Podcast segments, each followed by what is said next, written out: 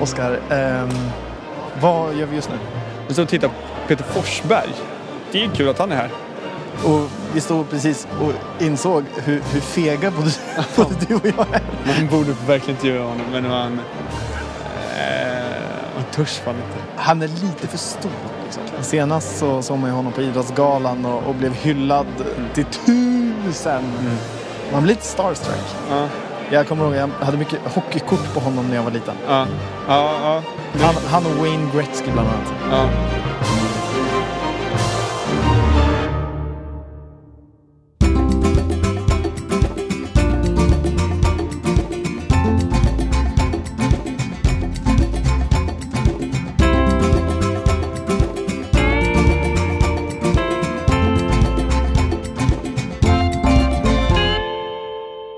Tjena Karl! Hej Oskar. Hur är läget? Jo, alltså det är bra förutom att jag har gått och blivit sjuk. Ja, du ser för jävligt. På sig skridskor. Schysst, tack Ja, för det. ja. Nej, jag har dragit på mig något så jag har legat några dagar här med, med kallfrossa på nätterna och sådär. Men nu känns det ju bättre. Nu, nu, är ju du här och vi ska spela in podd. Ja, det är superhärligt. Hur mår du? Jo, men jag mår bra. Det är, det är vårvinter här i Umeå. Det är riktigt fin årstid. Jag satt ute idag på lunchen och drack kaffe utomhus. Det är första gången för år. Och det är, det är ballt. Skönt. Jag har Ja. knappt tittat ut genom fönstret idag. Jag har Ja, legat det- inne och kurerat mig. Det är inget bra. Men det, det, betyder alltså att våren börjar närma sig även här uppe? det börjar närma sig. Man Men hör- du, du sa ju det, dina polare hemma, det är ju bara skicka bilder på blommor. Exakt. slå ut. Här är ju lätt en halv meter snö kvar. Och den snön kommer vara kvar till i maj Japp. någon gång minst. Juni de kanske. här, hö, de här eller högarna som de har plogat upp. Ja. De är det. De är kvar. är kvar. Garanterat. Vi var ju på något i helgen, du och jag. Ja, vi var ju nere i Stockholm på Alfsjön. På Stockholmsmässan. Det här var ju extremt intressant. Ja, inspirerande. Ja. Det är sjukt härligt att känna. Det är ett, det är ett riktigt eh, startskott för säsongen. Det är ju ungefär, eller det är ju på de här mässorna. Det var ju en i Göteborg två veckor innan ungefär. Ja, en månad veckor. innan kanske. Ja, kan, Ja. tidigt den. Ja. April, 14 april. Och sen mässan här i Stockholm. Det är ju där man får en bild över var marknaden ligger och vart den är på väg lite grann. Och därför har vi valt att göra ett båtmässan special här nu. Ja, vad folk förväntar sig lite av säsongen. Och det var väl det vi försökte ta reda på. Vi var och pratade med, med besökare och utställare och se vad de hade lite för förväntningar inför säsongen.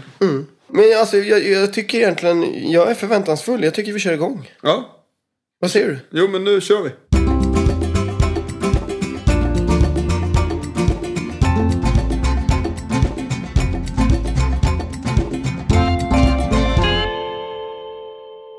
Nu när vi var nere på mässan Karl, var det något speciellt som du reagerade över eller tänkte på?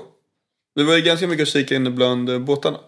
Ja, jo, jag tänkte på att det var det är ju färre segelbåtar än motorbåtar. Det var ju några segelbåtar Eh, tillräckligt stora. Vi var ju inne i en bland annat, 112 E där och var inne och kikade på den. Men sen fanns det mest jollar, liksom segeljollar. Men ja, i majoritet så var det ju framförallt motorbåtar. Och det jag också tänkte på var väl att att det var inte så stora båtar som det ändå var för typ fem år sedan. Då det var liksom 40 fots motorbåtar, Princess 42 eller vad det nu var. Och det har varit katamaraner, segelbåtar förr också. Väldigt, väldigt stora båtar, men det har väl, verkligen minskat. Eller känner jag fel där? Ja, nej, det var verkligen ett, ett, ett hav av små båtar. Linde var ju där, det var väl de som stod närmast. Men sen det, det blir lite så här, hörde man bara tröttna på, för det är inte... Det är inte så jävla kul att gå och kolla på tio olika styrpulpeter från samma märke. Det, det blir samma. Det är inget speciellt med dem, tyvärr. Eller det är ett segment som jag inte är så intresserad av. Nej, man går väl mest dit i så fall, alltså just till de här. För det är ju märken eller företag som ställer ut flertalet, precis som du sa, flertalet styrpulperbåtar. Och jag känner att där är syftet framförallt kanske att sälja lite mer. Eller att folk Ja. går dit för att känna på vilken de själva vill ha. Vilket är bra på ett sätt, men för oss som är verkligen så här, vi gillar olika saker. Vi vill ha en stor, vi vill ha en liten, eller ja. Vi vill ha Det ska vara en bra spridning liksom, så man får Exakt. kika på att det ska vara extremer. Liksom, att något stort ballt och något litet coolt och häftigt kanske något sportigt och sen något, något knäppt och sådär. Men det blev var ganska så... Det var, ju, det var ju kloka båtar, men kanske inte så roliga. Ja, jag har den känslan också. Ja. Men vi, vi kände väl lite båda två där också kanske att vi ville göra någon slags undersökning. För det här tenderar väl, det finns ju, det finns ju en trend i det här tydligt. Men en trend vi undrar över var ju det här med hur båtmarknaden ser ut om den faktiskt ökar. Säljs det några båtar idag? För att man ser ju på andrahandsmarknaden till exempel att den har ju faktiskt tagit fart. Men hur ser det ut på vanliga marknaden, nybåtsmarknaden? Så vi gjorde en liten undersökning, eller hur? Ja, precis. Vi pratade med Andreas på Båtmäklarna. Göran på eh, Vott Marin och eh, ja, gubbarna på Corsair. Så vi kan lyssna lite på vad de hade att säga. Ja, det gör vi. Nu sitter vi här i en, eh, i en Aronett med Andreas Schickel. Ni har sålt mycket båtar i år. Ja, vi har mer eller mindre sålt, sålt slut eh, av våran, våran del av produktionen som vi blir tilldelade eh, redan. Och det är, super, det är 2016 års båtar, alla är slut. Ja, mer eller mindre. Vi har eh, någon demobåt eh, kvar att sälja. Bosse Svanfeldt. Jag sköter hela backbonet när båtarna kommer hem, monterar och sätter ihop hela eftermarknaden om du behöver ha någon extra utrustning eller så. Eh, hur går, får ni iväg några båtar då? Det tror vi. Ehm, det är ett nytt säljteam i Sverige just nu som eh, började eh, i november förra året. Eh, och nu är det en helt annat drag i försäljningen överhuvudtaget. Än så länge så har vi inga signade ordrar på här på mässan men vi har sådana som är oerhört nära avslut och bara det är ju roligt. Nu sitter vi här i en Chriscroft Corsair 25 tillsammans med... Göran Ganstrand från Vott. Hur går det för? Går det bra?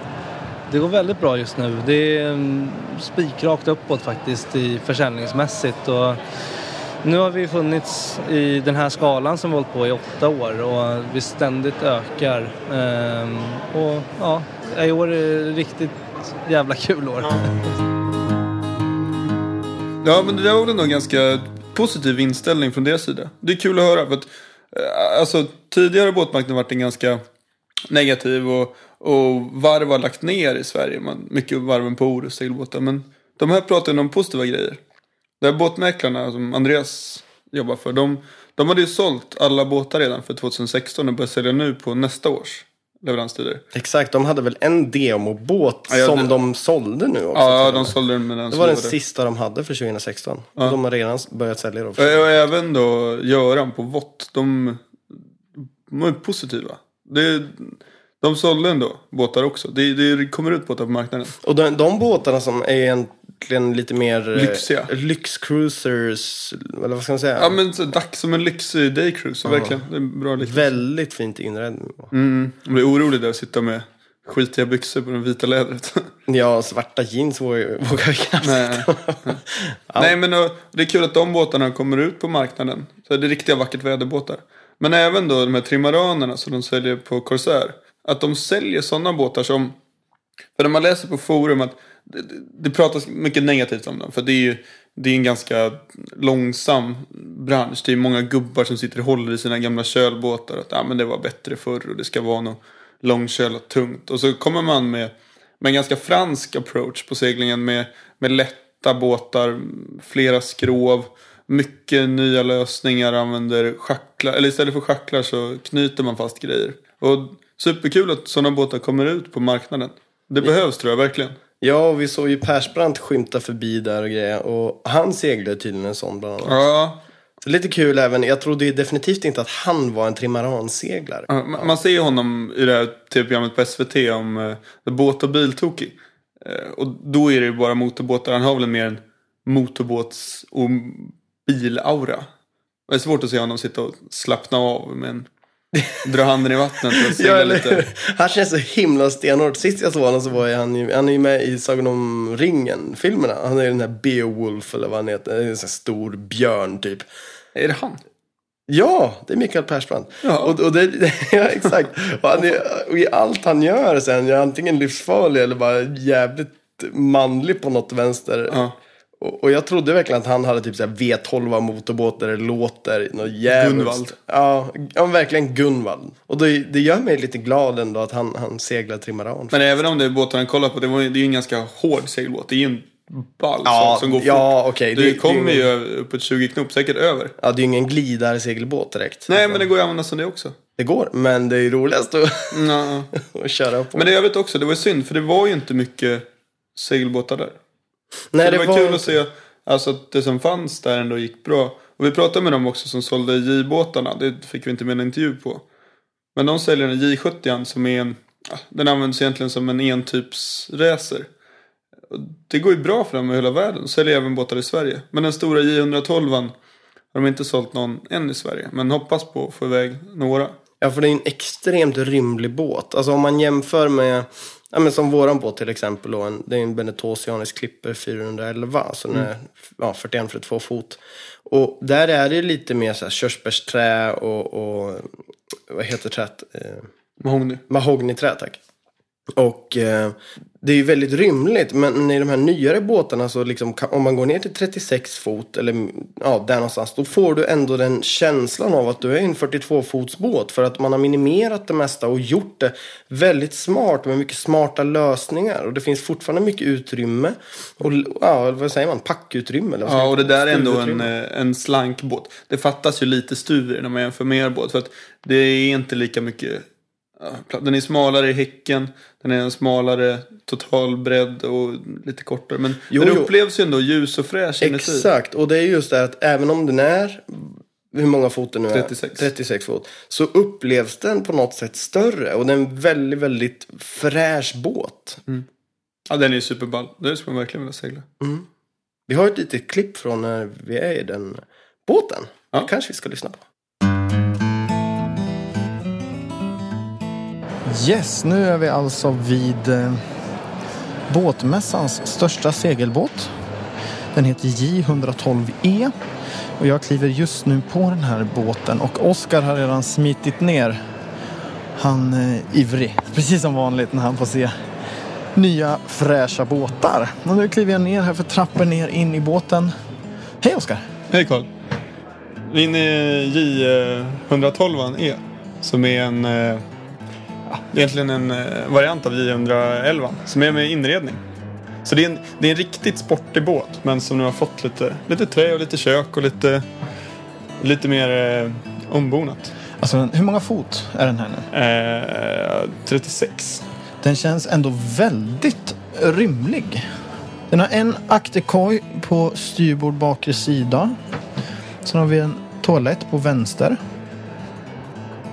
Kök här direkt nedanför till höger och en navigationsbord till vänster. Och sen en vanlig, eller vanlig, ja en härlig liten eh, salong. Ja, salong förpick. Och sen förpiken längst fram. Det ser ut att vara bra med eh, utrymme. Ja. Ska ta en titt på andra sidan också. Men eh, det känns ju som sagt, eh, Oskar, lite som en, eh, Det är en racer cruiser. Eller vad, säger, vad kallar man dem? Ja, alltså det, det är, skrovet sitter ju från en, en riktigt snabb båt. Eh, och, och sittbrunnen är ju, märker man, den är optimerad för segling. Alla snören sitter där det ska och det är bra beslag. Och det finns plats. Och den går att segla både själv och med full besättning. Och det går fort att segla den här. Det är ballt. På undanvinden så... Du är ju säkert uppe över 12-15 knop på undanvinden om du brallar lite. Det är riktigt läcker båt. Och vad ligger en sån här på ungefär? Ja, det är nog två miljoner och mer. Sen kan du säkert spesa den hur dyrt som helst beroende på segel och, och utrustning och elektronik. Det jag ser fram emot på de här båtmässorna är ju framförallt den här prylmarknaden eller prylhallen eller vad vi nu ska kalla den. Där det är där företagen som Älvsborgs brygga eller sådana här prylföretag ställer ut och det är liksom allt ifrån flytvästar till nya GPSer till det ena till det andra. Det är där jag i alla fall känner lite i dagsläget att om jag skulle handla något så är det ju där. Och det är också där de flesta människor rör sig, eller hur? Det är lite mer trafik i den hallen än vad det är på stora båthallen, liksom i A-hallen eller vad man ska kalla Ja, ja det, det är där det finns någon typ av kvantitet. Det är, det är sjukt blandat. Det är allt från riktigt krimskrams, liksom nyckelringar, massagestolar till eh, alltså plottrar och riktigt relevanta grejer. Flytvästar som du nämnde. Och det är där någonstans det händer, tycker jag. Mindre. För att är det någonting som jag är intresserad av att köpa, att i dagsläget så kommer inte jag köpa en ny båt. Men, ja, men eh, nya fendrar, några nya kuddar. Alltså ny plotter, nya solceller. Det är där det är spännande grejer och det är där nyheterna kommer. Så det är ballt. Så vi var ju här också intresserade av att ta reda på om det var såg lika positivt ut som det gjorde på, på nybåtssidan. Och de säljer ju bra. Eh, är, ser man samma trend då för prylarna till och med? Köper folk grejer till båtarna eller köper de färdiga båtar? Exakt, så det här ville vi ju undersöka lite grann. Så vi pratade ju med lite folk. Vilka, vad hette de? Du har koll på Vi det här, pratade med Jan Josefsson på Erlandssons brygga. Magnus Karlstrand på Navi Nordic. Pia Skoglund på Benz och eh, Jon Hallgren från CC. Han jobbar i Täbybutiken tror jag. Mm. Så vi pratade lite med dem för att ta reda på, ja, lite grann om man, vi tänkte jämföra helt enkelt hur det ser ut på båtmarknaden men även då på prylmarknaden, eller båtprylsmarknaden kanske vi ska kalla den. Ja, hur det ser ut där också. Så vi kan ju se vad de har att säga.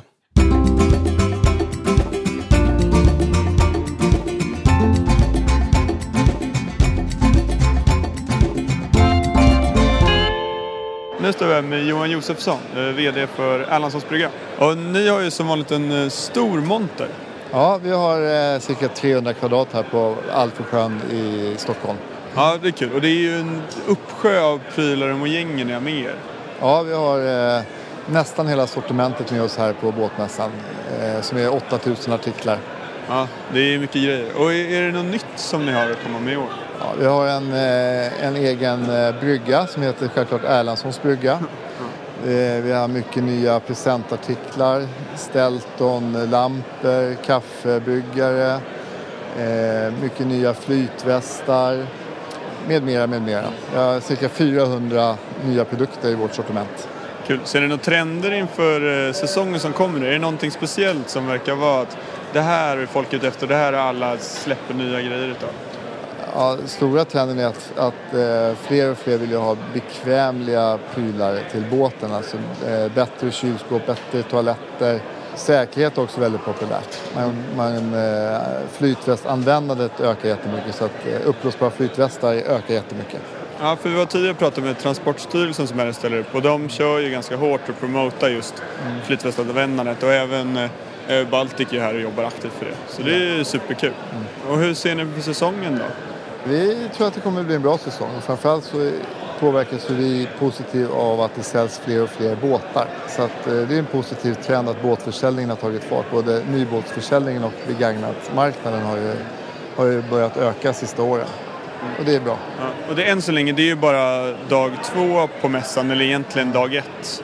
Men eh, börjar ni redan nu se och kunna mäta att, att det är en positiv trend även för er inom eh, alltså tillbehörsindustrin? Ja, men känslan är, är bra i och med att vi var ju med på båtmässan i Göteborg för en månad sedan och där ökade ju besökarantalet och eh, det kändes ju eh, väldigt bra. Och den här första lördagen här nu på mässan så har eh, känslan är att det är fler besökare. Men vi får inte statistiken förrän imorgon, men känslan är god.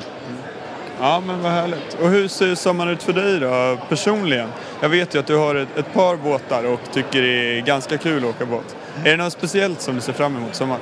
Ja, men eh, sommarsemester i Stockholms skärgård är det man längtar efter. Ja. Ytterskärgården framför allt.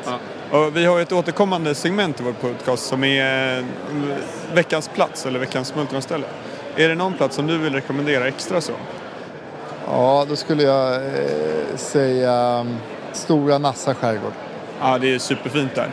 Ja, tack så jättemycket Johan. Ja, tack själv. Ja, jag heter Jon Hallgren. Jag är butikschef i, hos CC i Täby. Vår båttillbehörsbutik där. En av de större i, utav våra butiker. Härligt. Och ni, även ni har ju dragit hit med en, en ganska stor monter som ni brukar göra. Det är mycket prylar och grejer. Eh, Vad har ni för nya grejer för säsongen som känner extra balla? Alltså det här med el och laddning är ju alltid en het potatis. Så att, jag menar, det är mycket solceller och laddare och, och hur man kan förbättra sin, sin ström ombord. Så det har vi riktat in oss på ganska mycket faktiskt i år. Sen är det ju, ja, GPSer och elektronik är ju alltid populärt också då. Har det hänt något på den fronten alltså med Ja, alltså det har ju hänt alltså, mycket hur man kopplar ihop sina GPSer med andra tillbehör, alltså som flödesmätare för att mäta sin förbrukning i båten, alltså bensinförbrukningen och så vidare. Så det har ju kommit lite nytt på även ganska billiga maskiner. Så att, eh, och sen är det ju radar och sånt där som är intresse och, och även vissa smarta seglingsfunktioner som har kommit in i i plottrarna då. Så man kan optimera sin segling när man ska kryssa och sådär. Så att det, det är ganska mycket nytt faktiskt på det. Eh, vad kul. Och eh, för vi har pratat lite med de andra och de pratar om trender som går mot eh, alltså mer bekvämlighet på sjön, precis som du skriver med just eh, el och laddning. Och är det solceller framförallt eller är det några andra sätt att ladda batterierna också som folk jobbar med? Nej, men det är ju främst solceller och sen finns det ju eh, apparatur. Alltså CETEC har ju en, en liten laddare som jobbar mycket med eh, DC-laddning. Ja, det är ju solcell och hur, hur, hur du optimerar det. Va? Sen finns det ju andra typer som går på generatorladdning och så, hur du ska förbättra det. Eh, men jag tror nog mest det är solceller som är den heta biten just för komforten ombord. Ja, för alla idag har väl, det finns väl en TV ombord, det finns eh, kylskåp, kanske finns två kylskåp nästan.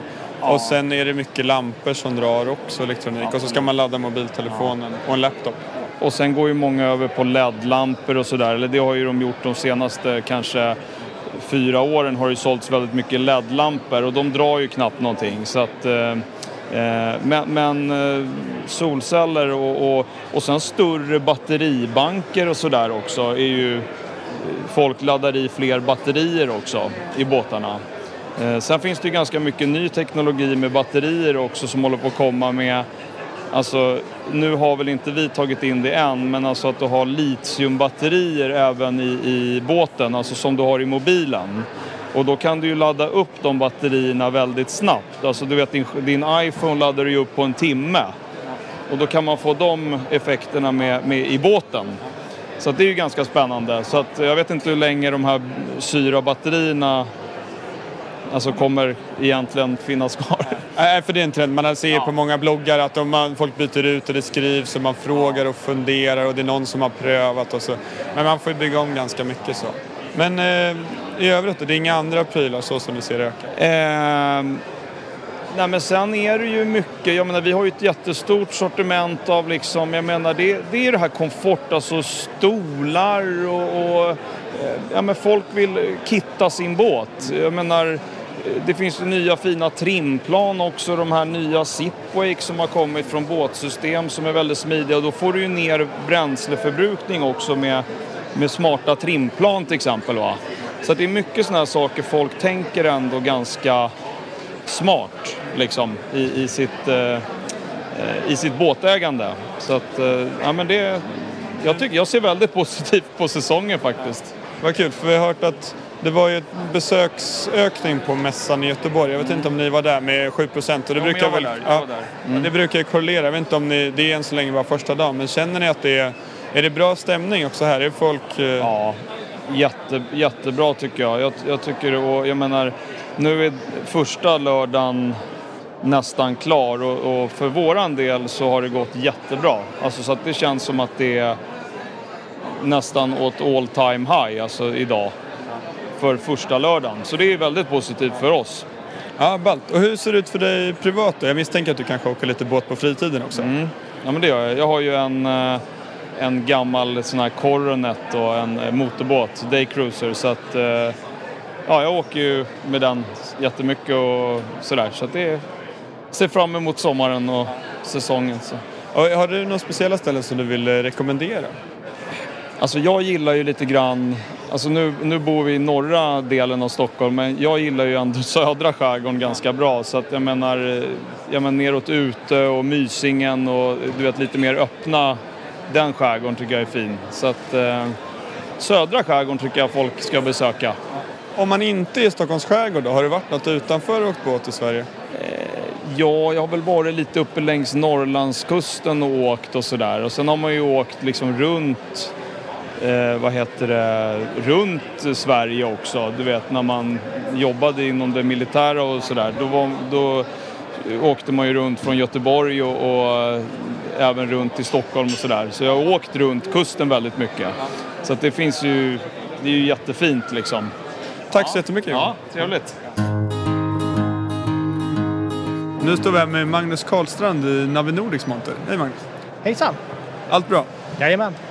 Hur går det för er? För vi har ju varit och pratat med båttillbehör, eller de som säljer båtar, för de upplevs en väldigt starkt positiv trend. Ser ni samma på tillbehörssidan? Ja, vi hade ett jättebra år 2015, var ett fantastiskt bra år för oss och det känns som att inledningen på 2016 har varit likadant faktiskt. Vi har eh, ökat vår införsäljning på butiker och så, så att det känns som att det är ett uppsving i branschen, helt klart. För ni säljer ju massa olika grejer. Kan du berätta lite vad ni erbjuder för prylar? Eh, vi har ju det mesta. Vi kan väl nästan säga att vi är en full sortimentsgrossist. Vi har ju allt från eh, säkerhetsprodukter som livflottar, eh, vi har gummibåtar, vi har vinschar och vi har eh, ankarspel och bogpropellrar och det mesta egentligen du kan plocka på en båt. Och det är till eftermarknaden som är det största, eller är det till varv också? Ja, vi har ju alltid varit stora på tillverkarna också. Då. Nu byggs det ju inte så mycket båtar i Sverige längre. Vi har ju varit stora på segelbåtsvarven men det byggs ju inte så mycket segelbåtar längre i, Sverige. Då. Men eh, vi säljer både på, till eh, motorbåtar och segelbåtar och mycket de här småbåtstillverkarna köper ju mycket av oss också. Så att, eh. Är det något extra kul som de är i år som är nytt för säsongen? Ja, vi har ju den här eh, handjagade utombordan som folk tycker är jävligt rolig. Den är, man vevar, det är en utväxel, det sitter en planetväxel högst upp där i veven och så eh, utväxling 1 till 3. Och så för gummibåtar och så vidare, så istället för att ro eller ha en elmotor så vevar du det fram. Kul, för det, ja, det är som sagt en hel del olika grejer de har med sig här idag.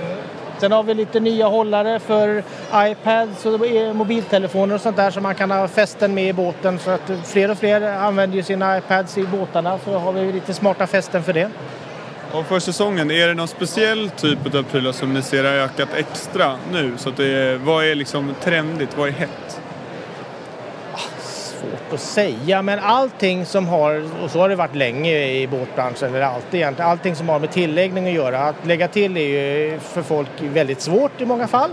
Så allting som har bogpropellrar, ankarspel, eh, bryggfändrar, allting sånt där som underlättar tilläggning eh, går alltid att sälja. Ja, vad kul. Och jag vet ju att eh, du åker en del båt och sådär, spenderar tid i skärgården. Eh, och hur ser sommaren ut för dig privat? Ja, vi tillbringar mycket tid ute i skärgården och där är det både motorbåt och segelbåt. Vi har en segelbåt som vi är ute och semestrar i emellanåt också. Så att det är ute i skärgården överhuvudtaget, både på båt och på land, eh, trivs jag bäst med. Är det några speciella event, några höjdpunkter som kommer i sommar? Ja, det är ju midsommar då naturligtvis. Och sen så är det ju stunda ett bröllop i familjen ute i skärgården. Det kan vara trevligt också. Ja, men vad härligt att få önska en trevlig sommar och säsongen drar igång ordentligt bra. Tack! Samma. Nu står vi alltså här med Pia Skoglund. Hej! Hej! Vem är du? Vem är jag? Ja, jag är Pia Skoglund och eh, jag är dotter till Bengt Skoglund som tyvärr inte lever längre men det var han som startade Benz 1954 och det är jag och min bror som då har drivit Benz vidare som ett familjeföretag tills, för, eh, ja, tills årsskiftet då Johan Klevstig och Johan Josefsson köpte hela Benz med både masttillverkning, riggtillverkning och med personal och allt det vi står för. Benz inom sin ni är ett ganska starkt märke. Både jag och eh, du Karl har ju handlat alltså riggprylar utav. Du beställde Senast i somras. Ja, du beställde ett förstag och jag har beställt eh, vant, eller st- stag till, eh, till min båt. Ehm, Ehm, och där är ni superduktiga. Mm. Det är ju så att det, eh, när det gäller segling så är vi väl i Norden skulle jag vilja säga, eller i Skandinavien är vi det största mast och riggcentret som finns. Och det är inte bara mast och rigg utan det handlar ju även om service och kunskapen inom seglingen. Och det är väldigt viktigt när man säljer sådana produkter för det handlar ju väldigt mycket om säkerhet. Säljer man en, eh, en fel rodkick till en båt till exempel så kan det vara förödande konsekvenser. Så det gäller att veta vad man säljer när man säljer seglingsprodukter.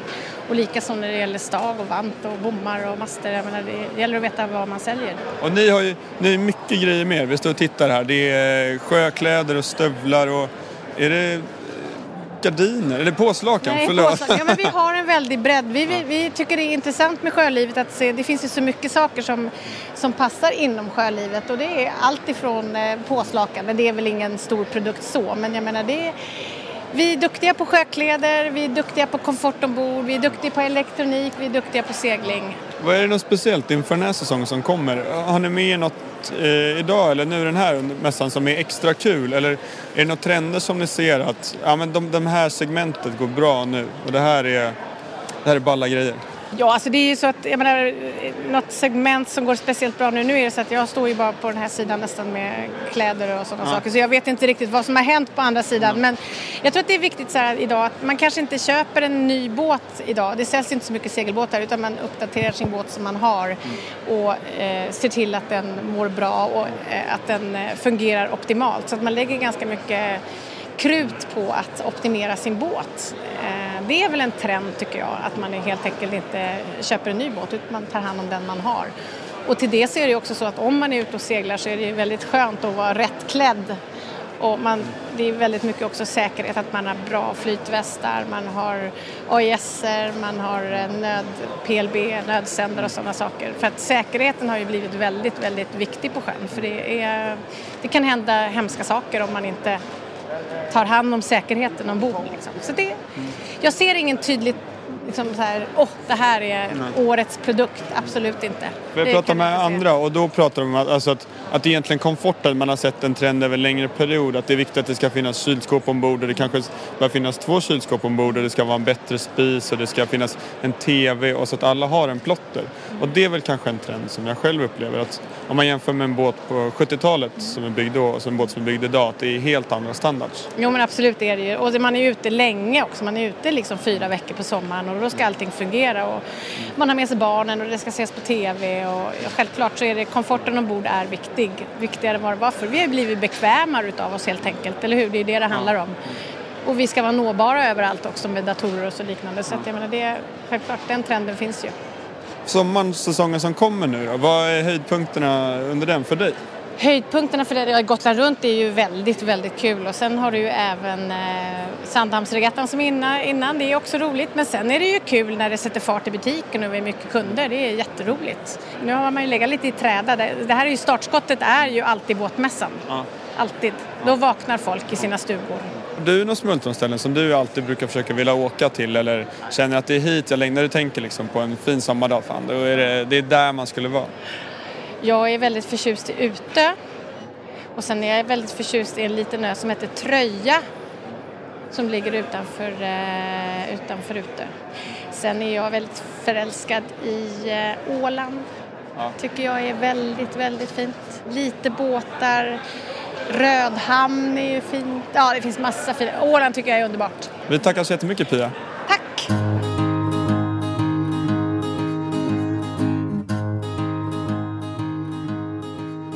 Oskar, kan vi då se någon, alltså att ökningen i båtmarknaden avspeglar sig på prylmarknaden? Ja, det tyckte jag. de pratade ju alla om en, ändå en positiv trend. Men den, det var inte lika starkt alls som på nybåtssidan. Men sen är det också så att folk köper alltid prylar. De ska ha bottenfärg, det är någon ny kudde eh, och det är lite, ja, något, något nytt som köps till båten varje år. Men det kanske inte blir de här stora investeringen av kanske en ny radar eller ny plotter eller ja, större investering. Men det sker ändå hyggligt stora grejer. Så det är kul. Alla nämner ju liksom att det, det känns bra och de är laddade inför säsongen. Och till exempel Önssons brygga som väljer att öppna en ny butik. Och, och det visar ju att det finns vilja att investera i marknaden. Att det finns möjlighet att göra det också. Det är ju superballt.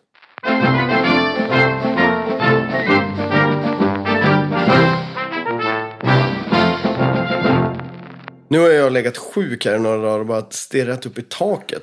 Har jag missat något? Vad har hänt där ute i världen? Vad har vi för nyhet den här veckan, Oskar? Kan inte du berätta lite för mig? Jo men eh, han eh, Arvid Bild som vi intervjuade i förra avsnittet. Det är, de har kört första racet nu i World Match Racing Tour. De var ju nere i, i Fremantle, körde första i Australien.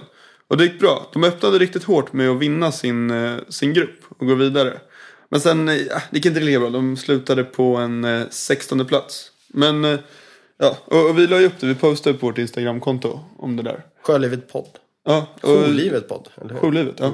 Och eh, det är superballt och det är kul att de visar en, en hög nivå. Och det är ju bra folk som är med. Så det är, det är superläckert att det går bra då för Dackhammar Racing. Och vi hoppas på att de ska fortsätta leverera under säsongen. Sen så är det nu, det har ju varit nu den här roddtävlingen över Atlanten. Talisker Whiskey Atlantic Challenge. Och då är, vad, vadå? Ror man alltså över Atlanten här? Ja, Hur man- många lag är det som är med i det här? Vet du det? Och, nej, faktiskt bråkan. Det tar ju så himla lång tid. Det är ganska stor spridning. Men det, så nu är det de äldsta kvinnorna som har rott över Atlanten. 45, och, 45, 47 och 51 år gamla. Två 45-åringar. Som nu har tävlat över. De startar i, på Kanarieöarna. Så ror de till eh, Karibien. Det tog dem eh, fantastiska tiden 68 dygn, 5 timmar och 2 minuter. Men alltså va? Ja, Ro, alltså jag har ju seglat över, det har ju du också. ja. Och bara det tycker både du och jag är ändå en rätt, alltså det är en utmaning. Det är en Men utmaning. att ro över. Ja, och tävla. Inte bara ro lugnt, utan på något sätt. Ja, alltså det blir nog rätt lugnt. Eller man tar det nog som det kommer. Men jag har ju sett lite så här reportage om det här. Att ibland är det stormar. Då är det bara att krypa ner i båten och hoppas på att håller de, att allting håller för dem. Båtarna snurrar ju runt. Men de är ju helt vattentäta liksom. Så det är ingen fara. Så då får de ligga och rida ut någon storm. Och sen blir det upp och ro igen. Så är de, ja, i och med att de är fyra så ror de i skift om två. Och de startar i La Gomera på Kanarieöarna och går i mål i Antigua i Västindien. Och det, är- jag tror att det är stor spridning på För några är nog duktiga och liksom har det som mål och andra ser det ju som en utmaning. Ja, Och jag bara ta sig över. jag pratade med några killar förra året, för, förra året, förlåt, 2014 på M32 Cup på Riddarfjärden i Stockholm.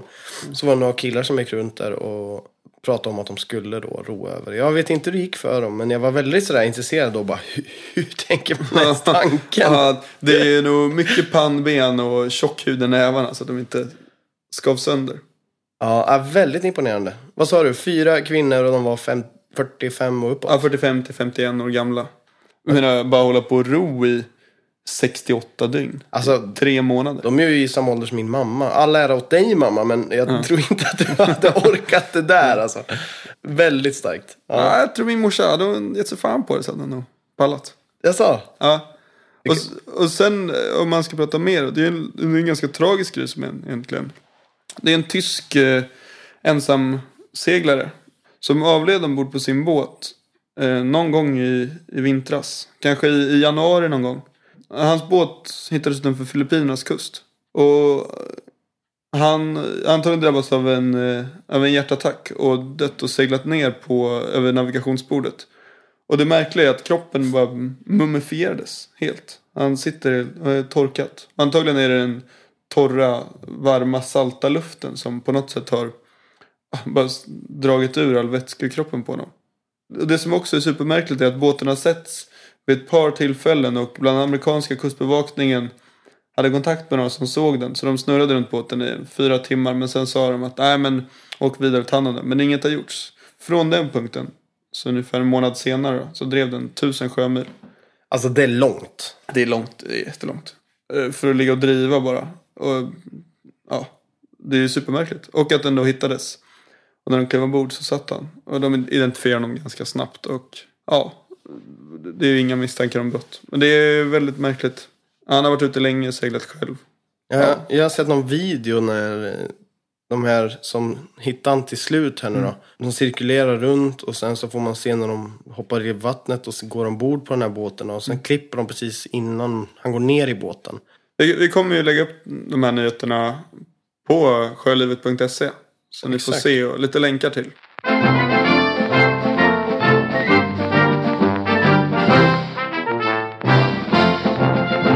Vi var ju med om något speciellt här också under mässan. Och det var ju, vi satt och åt du och jag Oskar. Och vi åtkäkade hamburgare. Och mitt i allt det här så får du ett samtal. Och sen det enda du egentligen säger är att vi måste gå nu. Vi ska upp på scen. Eller något sånt där sa du.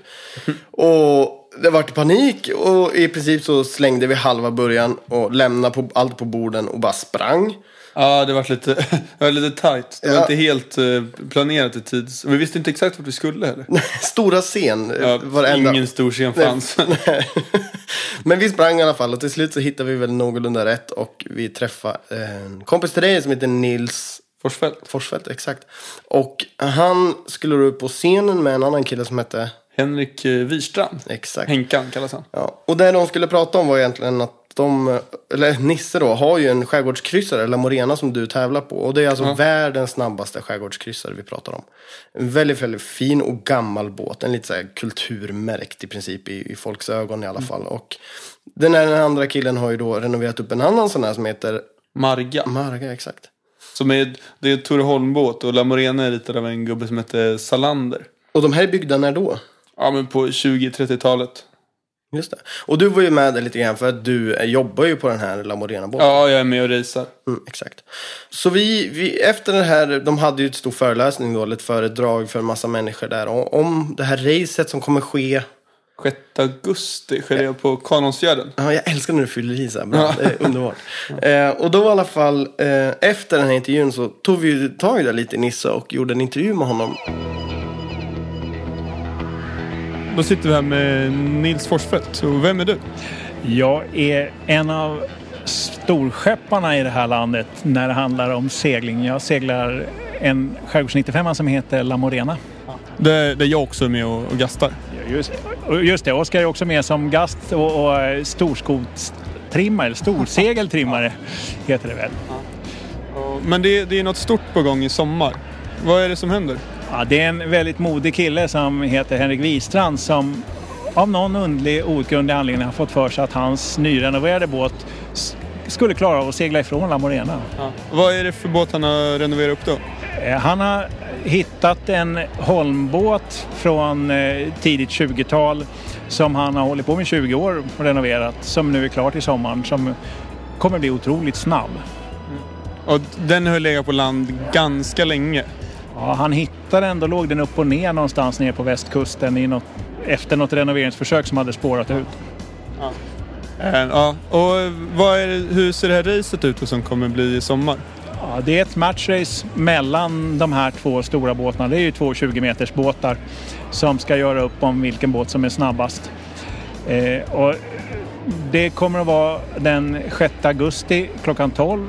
Start vid Gastholmsgrund på Kanonsfjärden. Och bland annat ingår en passage genom Möja ström. Så vi lägger banan så att man kan komma, kommer kunna gå med spinnaker genom Möja ström. Och där är det inte brett, det är två, två och en halv båtbredder, eller båtlängder brett ungefär. Ja, det går inte att vända med en sån här båt där inne. Nej, kul. Och vad, för ni har pratat lite om det här nu på mässan. Och hur var folks reaktioner? Ja, folk ser ju väldigt glada ut. Det, det är roligt att nu tror jag att alla stora 95 är tillbaks i vattnet i och med att Marga är klar. Så att för alla i den här träbåtscirkusen är ju, är ju det roligt att båtarna överlever och, och kommer ut i så pass bra skick. Och det som är kul med, med både då La Morena och Marga det är att, att besättningarna består av utav familjen. Ja, det är två familjebesättningar som har förstärkts av ungdomar på, faktiskt på båda båtarna. Eller relativt sett ungdomar. ni blir ju äldre ni också. Eh, och det är alltså inga proffsbesättningar på något sätt. Men professionella besättningar på det sättet att de är väldigt, väldigt duktiga på att segla och väldigt engagerade. För många av de andra båtarna i samma storleksklass så är det eh, proffsbesättningar. Men jag tycker ändå att vi mäter oss med dem och till och med ibland slår dem. Ja, jag tror att de senaste åtta åren är La Morena Sveriges mest framgångsrika tävlingsbåt alla kategorier. Och vi har ju vunnit 2012 när vi hade en tävlingsserie på sju veckor. Då vann vi alla tävlingar vi ställde upp i. Vilket är, bland, ja, infattar bland annat ett OS-guld och ett OS-brons i jubileumsseglingarna i Nynäshamn. Vi vann Åland runt, Pommerregattan, eh, Champagneregattan. Det ska, vann Scandal Beauty Trophy. Och vi vann Mälarhöjdens klubbtävling. Ja, både på hösten och Ja, på våren. Det, det var nog det svåraste. Nej men kul och det här är någonting som eh, vi på Sjölivet eh, tänkte följa nu under vårens gång. Så att vi kommer i kontakt med dig Nisse under våren eh, och även Henkan. Och så kommer jag lägga ut lite reportage om det här. då. Det drar ju ihop sig till en sliphelg för La Morena. För nu när vi har varit och tittat på Marga, vilket otroligt fint skick den är, så inser vi att vi måste polera upp botten på La Morena så att den är spegelblank om vi ska hinna med. Så då tar vi och köper en, burk, eller en back med äppelmer eller något och eh, tar en sliphelg. Det här är perfekt Karl för dig som faktiskt bor i Motala där båten bor. Så du kommer ha så nära och bra så. ja, tack så jättemycket Nisse. Tack, Kul att prata. Det där lät ju skitkul, Oskar.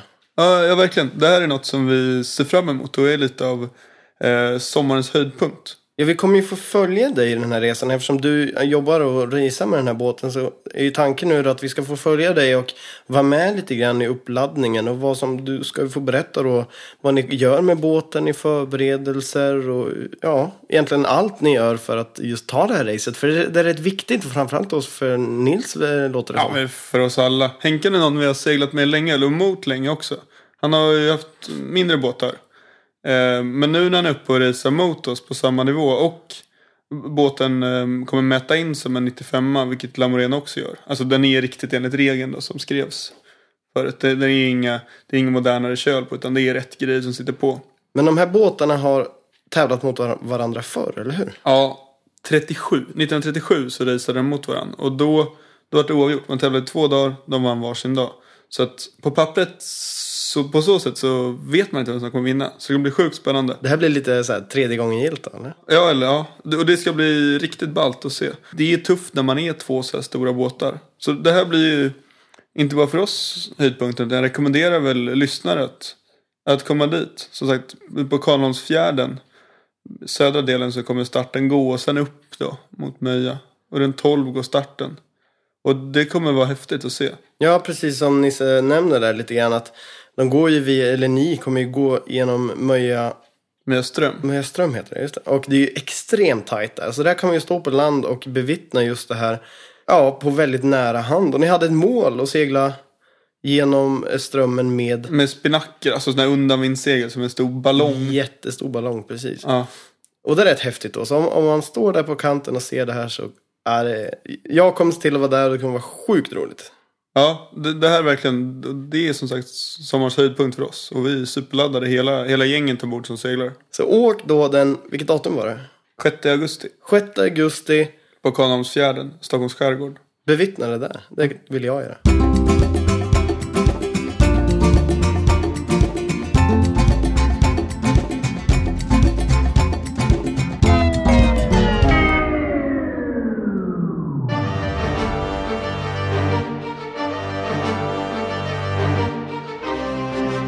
Oskar, ehm, vad gör vi just nu? Vi står och tittar på Peter Forsberg. Det är kul att han är här. Och vi stod precis och insåg hur, hur fega både, både du och jag är. Man borde verkligen intervjua honom, men han... Eh, han törs fan inte. Han är lite för stor. Liksom. Senast så såg man ju honom på Idrottsgalan och, och blev hyllad till tusen. Man blir lite starstruck. Ja, Jag kommer ihåg, jag hade mycket hockeykort på honom när jag var liten. ja, ja. ja. Han, han och Wayne Gretzky bland annat. ja.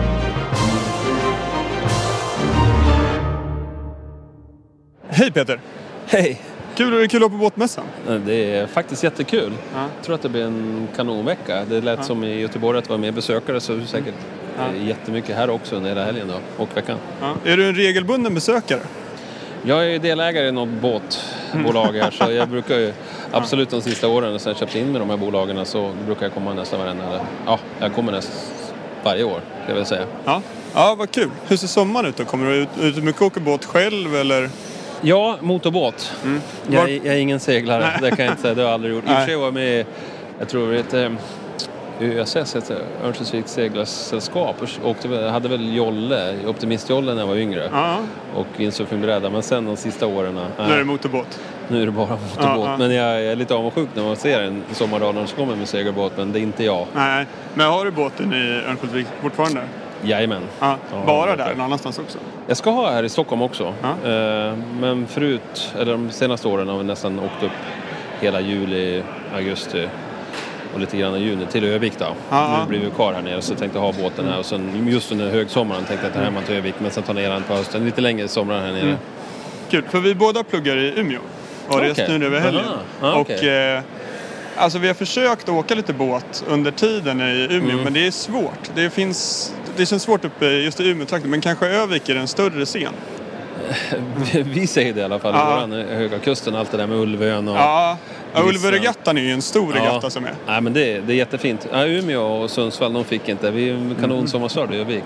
Ja, Umeå, älven är väl lite, Mm. Ja, lite bucklig riktigt. som man säger. ja. Och det är obbola det, går inte, det går inte att segla i alla fall Nej. upp för Nej. älven. Utan, nej, då förstår jag att ni har, men ni kanske inte spenderar somrarna i Umeå heller? Nej, det är ju här nere. Det är här nere så krokarna. Det, det går väl inte att segla nu Ja. heller i, i Umeå-trakten sådär. Nej, nej, inte. Nej, Övik, eh, jag tycker att om det är ner till eh, ja, Nordingrå och lite där nere, Mm. jättefin kust. Det var helt suveränt. Jag har alltid varit hemma på somrarna, även fast jag bodde, spelade i NHL, bodde i Denver så har jag åkt hem. Och de flesta hockeykillarna åker hem till Övik och har båtar runt omkring så man kan ju jag kan ju ta båten och åka förbi alla Ja. sommarstugorna på vägen in till stan och Ja. få utan att köpa någonting med mig bara hälsa på några grabbar på hela vägen in. Så nej, det är jättefint, det var jättefin kust.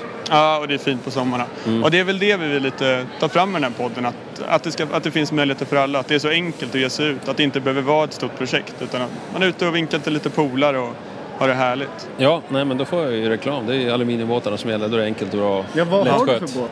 Ja, ja, jag har en, eh, jag har en Enetec 750 nu då. Ja. Jag har haft en eh, 860 och sen hade jag en 747 Mm. också ett tag. Då, men sen blir det den nya modellen sen när den kommer då. Ja, vad kul. Hur ser en, eh, en sommardag, hur tillbringar du din tid på sjön? Ja, alltså senaste åren har det ju, då åker vi ju egentligen båten ut till Ulvön då. Eh, det har väl en halvtimme ut till Ulvön ungefär om jag kör lugnt och försiktigt. Nu har vi massa Hur ofta sker det? Nej men nu har vi massa ungar så nu går det inte att köra så fort.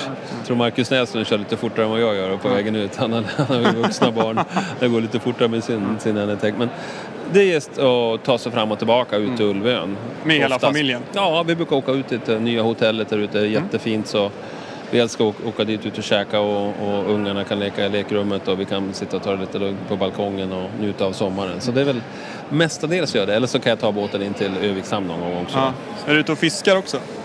Nej, fiska är jag dålig på. Ja, ja, Ja, fiska och segling, jag vet inte om det går för trögt för mig. Händer inget? Nej, ah, nej, just för tillfället har jag ingen ro utan det är mera Mm. då istället för att fiska då spelar jag hellre golf. Men du är ju van att åka snabbt på vatten, både hårt och då vill du kanske också ha det lite... Ja, det måste ju vara något sånt. Ja. ja, nej, det går lite... Nej, det är inte jag. Jag har fiskat när jag var yngre, det gjorde Ja. jag absolut. Vi hade visst stuga lite längre söder om. Eh, inne någon fjärd där. Mm. Så då fiskar vi rätt mycket. Så sen när, när ungarna växer upp också och kanske börjar vilja fiska och greja på Mm. så då kanske man kommer tillbaka till det. Och, men det var, det var nog typ en 20 år sedan jag drog en gädda i alla fall. Ja. Men det är inget problem att få med hela familjen. För jag kommer ihåg att när jag var liten och många polare har väl samma att sen är så här, åh nu ska jag ut och åka båt med familjen och mamma och pappa är med och det blir som en suck. Men det är inget som ni, barnen följer med och tycker det är kul. Ja, absolut. Ja. Den minsta brukar somna i båten, Ja. så vet jag inte. Men det, det är bra Ja. sömnpiller att ligga där bak Ja. tydligen. Nej, äh, grabben han börjar ju, nu blir han ju fyra till sommaren. Så jag Ja, tror, ja. nej, det, det, han blir inte grinig när jag säger att vi ska åka ut med Nej. båten i alla fall. Nej, vi, vi trivs att åka ut i, i skärgården, absolut. Härligt. Mm. Ja, jag får tacka för det. Tack så Jättekul, Härligt, trevlig helg.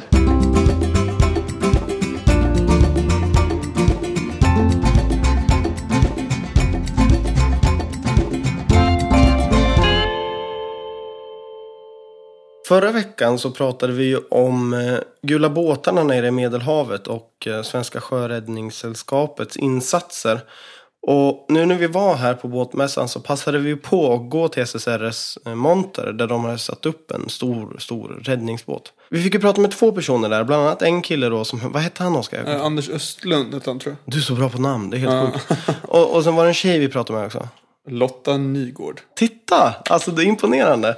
Eh, men Anders i alla fall, han hade ju varit nere i Medelhavet på de här gula båtarna. Och eh, ja, jag ska inte säga så mycket utan vi ska lyssna lite på vad han säger och sen pratar vi även med Lotta lite mer om just SSRS verksamhet och, och hur de funkar och vad de gör och ja, lite runt det. Så vi tar och lyssnar.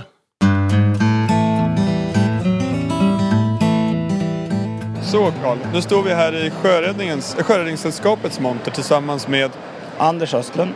och, Lotta Nygård. ja, och det är ju kul för det är mycket folk här i, i montern. Det är bra drag. Och i tidigare avsnitt så nämnde vi om eh, er insats nere i Medelhavet runt Samos. Och där har du varit nere Anders. Ja, jag har varit där nere runt nyår. Jag kom ner på nyårsafton och var där i nästan tre veckor. Kan du berätta lite om eh, vad ni gjorde och hur insatsen såg ut från er sida? Ja, vi hjälpte ju folk i såna här gummibåtar som kommer från Turkiet och som hade då, dåliga båtar så att säga. Vi hjälpte dem att komma säkert över till Grekland då, ifrån, när de var nära land så att säga. Och hur många båtar har ni där nere nu? Vi har två båtar. En som heter Postkodlotteriet och en som heter Handelsbanken Liv. Och hur många är det på varje båt där nere? Fyra i besättningen från Sverige på varje båt. Ja, superfint. Så men det är folk nere just nu också? Ja, eh, dy- året, hela tiden dygnet runt. Och du skulle ner igen? Jag åker ner i början på april. Och Lotta, du jobbar lite med re- nyrekrytering här, både utav kanske ja, folk som skriver upp sig på ett medlemskap, men även folk som söker vill bli sjöräddare. Ja, det stämmer det. Vi, eh, vi står ju här på mässan och eh, informerar om vad det innebär att vara eh, sjöräddare och vilken hjälp du kan få om du blir medlem. Vad får man för hjälp då? Alltså det är ju så att vi har räddningsstationer längs hela Sveriges kust inklusive de större insjöarna. Och vid varje station så finns ett stort antal aktiva frivilliga sjöräddare. Och vi har jour dygnet runt. Så oavsett när du ringer, inom 15 minuter så ska vi lämna kaj från att larmet har gått. Max 15 minuter. Och vad är det för typ av ärende? För ni kommer ju från Härnösand. Ni är alla här. Alla som är här idag från Sjöräddningen är från Härnösand. Vad är det vanligaste anledningen till att ni får rycka ut? Absolut vanligast är ju att det är problem med motorn på ett eller annat sätt. Absolut vanligast. Eh, Haverier och liknande? Ja, precis. Och till exempel på våren när det är dags att sjösätta och man ska ut på första turen, motorn kanske inte riktigt är på humör. Och vad bör man göra då för att, eh, för att slippa att ni ska komma ut och hämta den? Är det något speciellt man ska tänka på då? Att hålla, hålla efter din båt, att den alltid är i god kondition och så säker handhavande när du är ute till sjöss. Alltid säkerheten främst, alltid. Tänka på flytväst är ju en självklarhet liksom. Sådana grundläggande saker. Det är ju viktigt det här med bränslet som vi pratade om nyss då, att man ser till att man har rena tankar, man har ren, nya bränslefilter och att man ser till att ha filter i reserv om man får, skulle få något smuts i dem så att man kan köra vidare. Och ni har ju med er en, en ganska stor båt här. Kan ni berätta något om den? Det här är en 11 meters båt med två stycken utombordare. Den eh, tillhör eh, postkodsklassen heter det. Men den är 11 meters lång i alla fall. Och vi känner ju, ni känner tydligt igen våra båtar i de klassiska färgerna i rött och gult. Väldigt tydligt. Och hur många är man på en sån här båt då? Fyra mans besättningar. Om, om man skulle åka ut för någonting i Härnösand, är det ni som kommer då? Är det på en sån här båt ni kommer? Eh, vår båt är lite, lite större än den här. Vi har en 12 meters båt med jetmotorer, två stycken. Och så har vi även en mindre båt. Men eh, vi kommer i de klassiska färgerna i alla fall, rött och gult. Och hur, hur länge har ni varit ak- aktiva som eh, sjöräddare? Vår station uppe i Härnösand har ju funnits sedan 2008 och varit aktiv. Så att vi har varit med från starten i princip. Eh, Både, även du Anders? Jajamän, båda två. Hur, hur kommer det sig att ni valde att bli sjöräddare? Ja, Jag tycker att det är ett intressant uppdrag att hålla på med och det är en jättekul hobby. För det här gör man ju på frivillighet och på sin lediga tid. Istället för att spela fotboll eller något annat så kan man hålla på med sjöräddning och det är mycket roligare tycker jag än fotboll. Ja, och just det här viljan av att kunna hjälpa andra personer, hjälpa folk ut i nöd. Det, och det är väldigt viktigt att framhäva att det här är ju någonting helt ideellt. Alltså vi som är med i Sjöräddningssällskapet som aktiva frivilliga sjöräddare, vi gör det här helt ideellt och vi har ju vanliga jobb i vanliga fall. Sådär. Så att det, det är väldigt roligt att kunna hjälpa till och du lär dig mycket själv. Och vem som helst kan egentligen bli sjöräddare och det är någonting jag vill lobba lite för att de som lyssnar nu, är ni intresserade av båtliv och sånt så sök upp närmsta sjöräddningsstation och eh, bli aktiv ni också. Det är inga förkunskapskrav överhuvudtaget utan eh, ta kontakt med stationerna så ska du, jag garanterar att du kommer gilla det. Och som du nämnde där, ni, eh, ni finansieras av eh, frivilliga insättningar och medlemskap. Vad kostar det att vara medlem ett år? Om du är vuxen så betalar du 800 kronor och pensionär eller ungdom är 500 kronor. Vad går de här pengarna till? Ja, de går ju till driften och, drift och underhåll av våra båtar i första hand. Nybyggen och sånt det är donationer och testamenten och sådana saker. Så det är för att hålla våra stationer igång. med bränsle till båtarna till exempel. Tack så jättemycket. Ja, tack.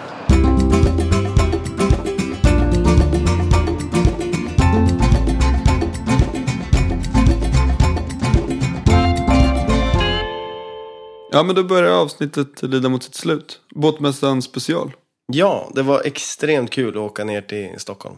Ja, skönt att det löste sig att vi lyckades eh, klämma in det i våra scheman. Ja, men det är, det är också någonting med, med båtmänniskor överlag som gör att det alltid är sån härlig stämning. Och folk är så lätta att prata med och alla är så trevliga. Det, ja, det är något fascinerande och jag, jag tror i alla fall att det är något utmärkande med just båtfolk. Mm, det är sjukt inspirerande att vara där och det är nu efter man varit och handlat sina kuddar, man har köpt den här nya revolutionerande bottenfärgen, man har kanske köpt en ny solcell eller ska göra någon typ av installation.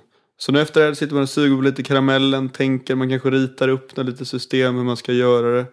Tänker över, vad fan vad var det för skit jag blev pålurad nu, var det bra? Och så när det kommer lite värme, då drar det igång liksom. Exakt. Man är nere och pillar och börjar mecka nu. Det är inspirerande, det är härligt. Och vi har väldigt mycket bra intervjuer och grejer från den här mässan som, som vi har kvar och som Mm. vi kanske tar med i kommande avsnitt. Så att, eh, ja, nästa vecka så får vi prata med en, en annan väldigt speciell person som, ja, vi får se då helt enkelt. Jag ska Ja. inte avslöja för mycket.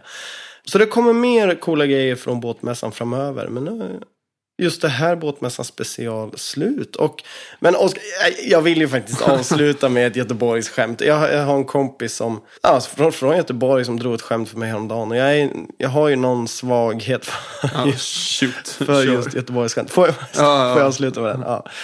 Vad är det för vätska i ett vattenpass? Nej Karl, det vet jag inte. Råkvatten. Ah, ah, ah, ah. Hej då! Hej då!